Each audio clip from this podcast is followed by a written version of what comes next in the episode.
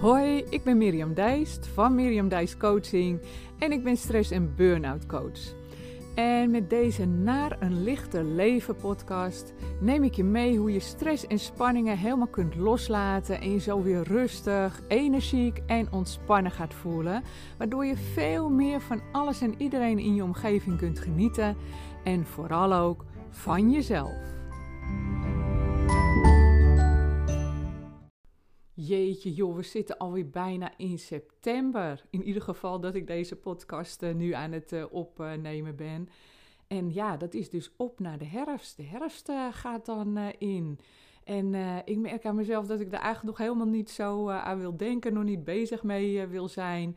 Bij mij staat de herfst toch altijd een beetje van, oh, de, de zomer is afgelopen en we gaan de donkere dagen weer in en zo.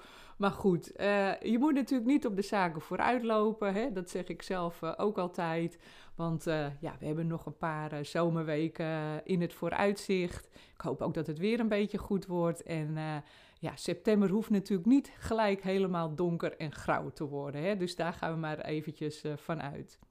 Nou, de dertigste podcast is dit en die heeft als titel Andere keuzes maken door voor jezelf te kiezen.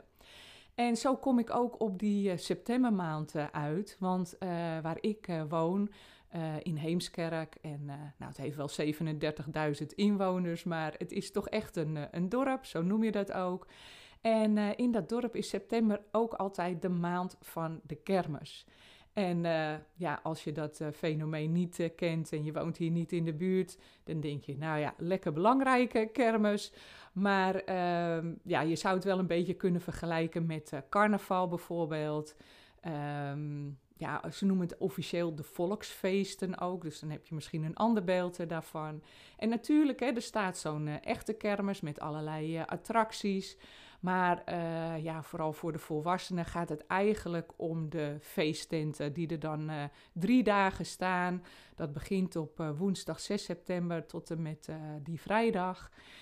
En de horecagelegenheden die ja, hebben dan een uitbreiding. Hè. Dan staat er zo'n tent nog aan hun horecazaak.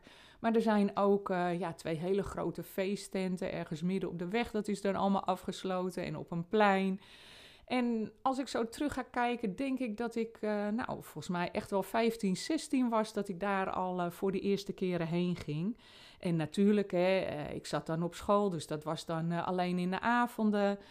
En ja, dat heeft al die jaren zo doorgegaan. Dus ook ja, dat ik ouder werd, getrouwd was, kinderen kreeg.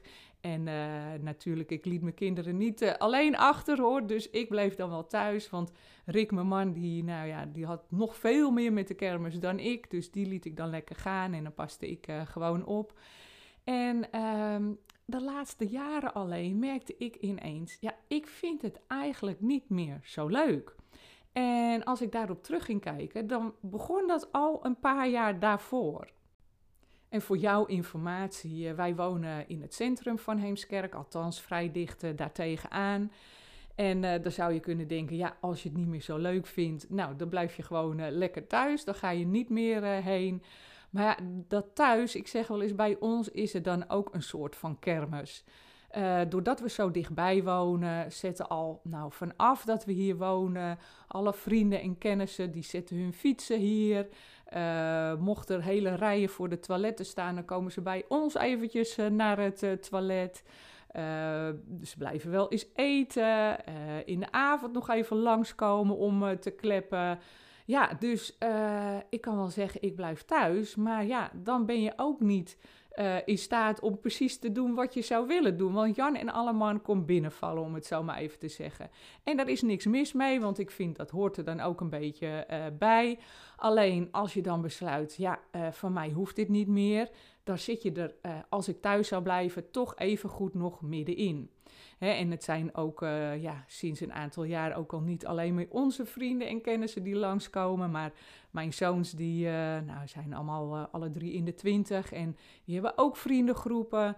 Dus de oudste twee wonen niet meer thuis, maar komen vaak ook met die vrienden dan aan. En alles is goed, echt waar. het is een gezellige bende, maar dan kan je niet zeggen, ja, ik blijf thuis en ik ga lekker mijn eigen ding doen, om zo maar te zeggen. Dus dat heeft gemaakt dat ik uh, sinds een paar jaar, ik denk een jaar of vier volgens mij, um, ja, ik wou zeggen wegvlucht met de kermis, maar laten we ervan maken erop uittrekken met de kermis. Ik heb dan lekker een B&B uh, gehuurd, ga ik helemaal alleen heen, lekker voor mezelf. En ja, ik vind dat heerlijk om te doen. En het liefst boek ik dan een B&B die ook nog ja, op een redelijke fietsafstand zit heb ik nu iets uh, in het uh, meer naar in Noord-Holland ergens, boven ons naar het noorden. Dat is dan zo'n anderhalf uur uh, fietsen hier vandaan. En dat vind ik dan ook heerlijk om te doen. Dus ja, ik moet nog wel even hopen dat het gewoon goed weer is. Althans, dat het in ieder geval droog is ook. En ja, anders met de auto. Dat is natuurlijk ook geen probleem. Maar ja, fietsen vind ik altijd gewoon heerlijk. Dat hoort er een beetje bij, bij dit gebeuren. En uh, ja, wat ik daar dan ga doen, ik ga ook wel echt een beetje aan mijn werk uh, bezig hoor. Ik vind het fijn om dan juist helemaal rustig uh, ja, een paar dingen uit te werken van die ik wil gaan doen of plannen of wat dan ook. Maar ik neem ook gewoon lekker mijn yogamatje mee en ga daar van die online yogalessen volgen. Uh, een lekker boek vind ik ook heerlijk uh, om uh, te lezen. En natuurlijk leuk om iedere keer ja, de omgeving een beetje te verkennen. Hè, dat kan dan lekker op de fiets of wandelen. Even een keer op een terrasje zitten. Dus allemaal gewoon ja, heerlijk relaxed en echt te doen waar ik zelf zin in heb. Nou, wat dan nog wel is bij ons die eerste woensdag, hè, dat heb ik het over woensdagochtend van de kermis. Nou, dan noemen ze dan als het echt gaat beginnen het eerste deuntje. En uh, nou, dat is ook al sinds jaar en dag dan bij ons, omdat we zo lekker dichtbij in het centrum uh, wonen. En uh, dat vind ik wel echt super gezellig. Dus daar blijf ik altijd nog bij, want ja, onze vrienden komen dan langs, nemen soms ook wel taart of koek mee. nou, dat soort dingetjes, want we beginnen met de koffie en de thee. En nou, langzamerhand gaan we dan over op ja, het eerste biertje of het eerste wijntje.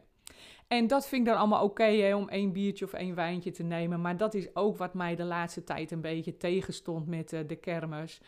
Uh, ja, dat vele drinken, om zo maar te zeggen. En ja, als je dan niet meedoet met dat drinken, dan kan je op een gegeven moment de verhalen van degene om je heen, uh, eerlijk gezegd, niet eens meer volgen, omdat die wel drinken, om het zo maar te zeggen. En ja, dat maakte voor mij ook wel dat ben, ben ja, echt wel de laatste jaren ook minder gaan drinken, dat ik het dan ook niet meer zo heel leuk vond.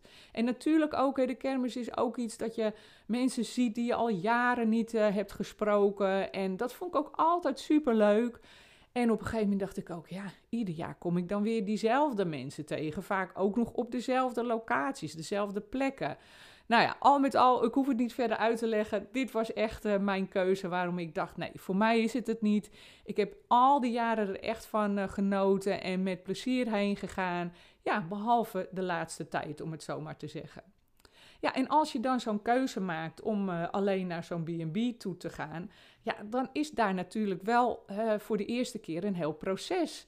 Uh, wat dan speelt, daar moet je niet door laten tegenhouden. Dat heeft er vaak mee te maken met wat anderen daar dan uh, van vinden.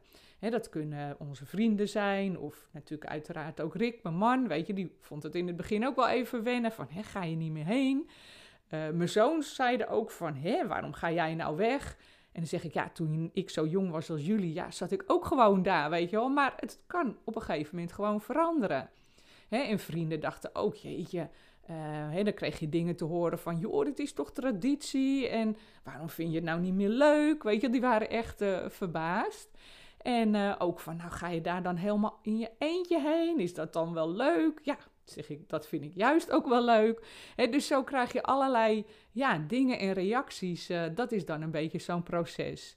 En uh, ja, op dit moment is dat helemaal niet meer. Uh, dat was vorig jaar bijvoorbeeld al niet meer. Dan vragen mensen eigenlijk meer: Goh, waar ga je dit jaar heen? En is het helemaal geaccepteerd? Ja, en om die andere keuzes te maken, die keuzes die veel meer bij jou passen, bij wat jij wil, dus keuzes voor jezelf, heb je altijd eerst weer zo'n stukje bewustwording nodig. Hè? Een stukje inzicht ook. En dat heeft te maken met ja, waar uh, zit ik eigenlijk niet goed in mijn vel? Wat doe ik al die tijd al wat misschien best wel anders zou kunnen?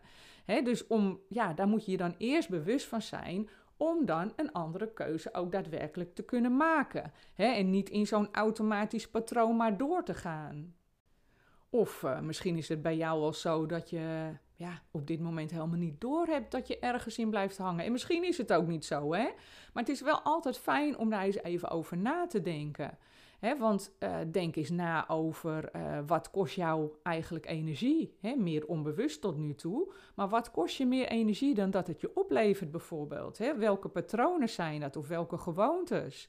want op het moment dat iets je totaal geen energie meer geeft, ja, kan dat er juist voor zorgen dat je helemaal leeg loopt.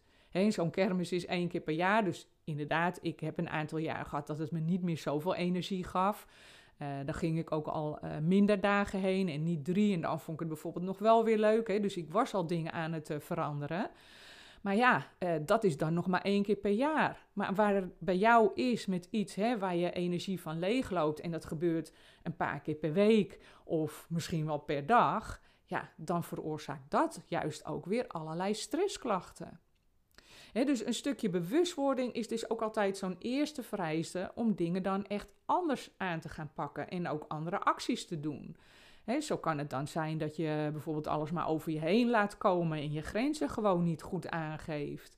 Of uh, automatisch uh, doet wat iemand van je verlangt. zonder rekening te houden met wat wil jij nou eigenlijk? Wat, wat wil ik? Jouzelf die vraag dus te stellen. Of uh, anderen graag wil pleasen. Hè? En dan zo eigenlijk zo ver doorslaat dat je je eigen behoeftes helemaal uh, vergeet. Ja, en wanneer je bij jezelf ontdekt wat dat stukje nou voor jou is, hè, als dat er inderdaad ook zo zou zijn, ja, dan ga je natuurlijk na van hoe kan het dan anders? Hè, hoe wil ik het anders? En wat heb je daarvoor nodig om dat te realiseren?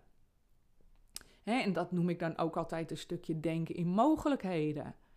Ja, en wat daarbij dan weer lastig kan zijn, dat is dat uh, bepaalde overtuigingen of belemmerende gedachten hè, die bij jou zitten, die kunnen ervoor zorgen dat je het moeilijk vindt om die acties ook uit te voeren.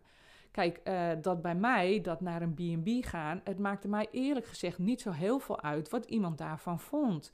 Ik had er gewoon zin in en ja, als iemand dat gek vond of vreemd dat ik daar in mijn eentje heen ging, ja, ik moet eerlijk zeggen, daar was ik niet zo mee bezig. Maar uh, dat zou voor jou bijvoorbeeld wel iets kunnen zijn, hè, waardoor je het niet uh, doet. Dus wat anderen daar dan van vinden. Maar door die belemmerende gedachten dan, zou het zomaar ook ervoor kunnen zorgen dat je het zo moeilijk vindt om dan ook uh, de acties, hè, die juist goed zijn voor jezelf, uit te voeren. Dat je uiteindelijk zegt, nou ja, weet je wat, laat ook eigenlijk maar zitten. Zo belangrijk is het niet. Maar ja, dan vind je dus jezelf ook niet zo belangrijk om dit daadwerkelijk voor jezelf te realiseren.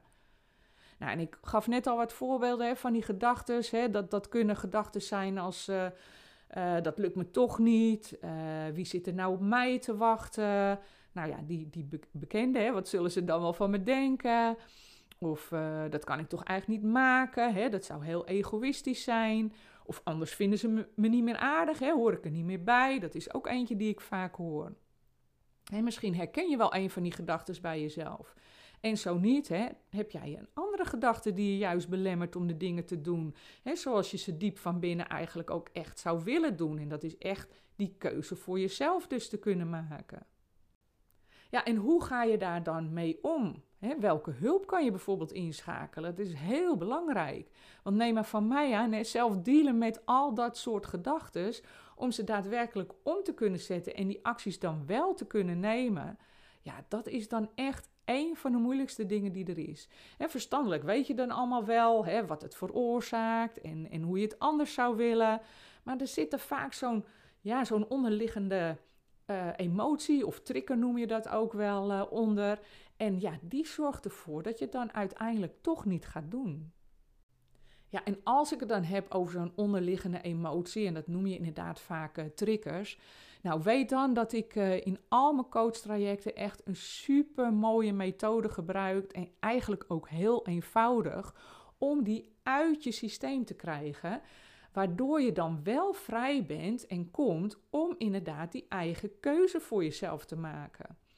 als ik ze gebruik tijdens mijn coachtrajecten, ja, het is dan echt zo super mooi om te zien wat er dan ineens anders gaat in iemands leven. dat had je van tevoren eigenlijk niet eens kunnen bedenken. En dat is eigenlijk simpel doordat je zo'n emotie, en eigenlijk is dat dan ook wel een blokkade, die je had, die heb je dan kunnen loslaten. Nou, mocht je daar vragen over hebben, dat je denkt, hé, hey, dat zou misschien wel iets voor mij kunnen zijn, want ik blijf echt daarin hangen. Wel in combinatie met stress, hè. Ik ben niet voor niks een stress- en burn-out coach. Joh, mail me dan gewoon even wat dat uh, eventueel voor jou zou kunnen betekenen, die methode. Of misschien heb je daar vragen over. Dat is natuurlijk ook helemaal uh, supergoed. Mail me vooral. Uh, als je denkt, ik heb wat voor je, want ik beantwoord je vraag graag. En dat mailen kan heel eenvoudig naar info.miriamdeistcoaching.nl Nou, dan uh, was dit het weer uh, voor nu. En uh, ik zou weer zeggen, tot de volgende keer.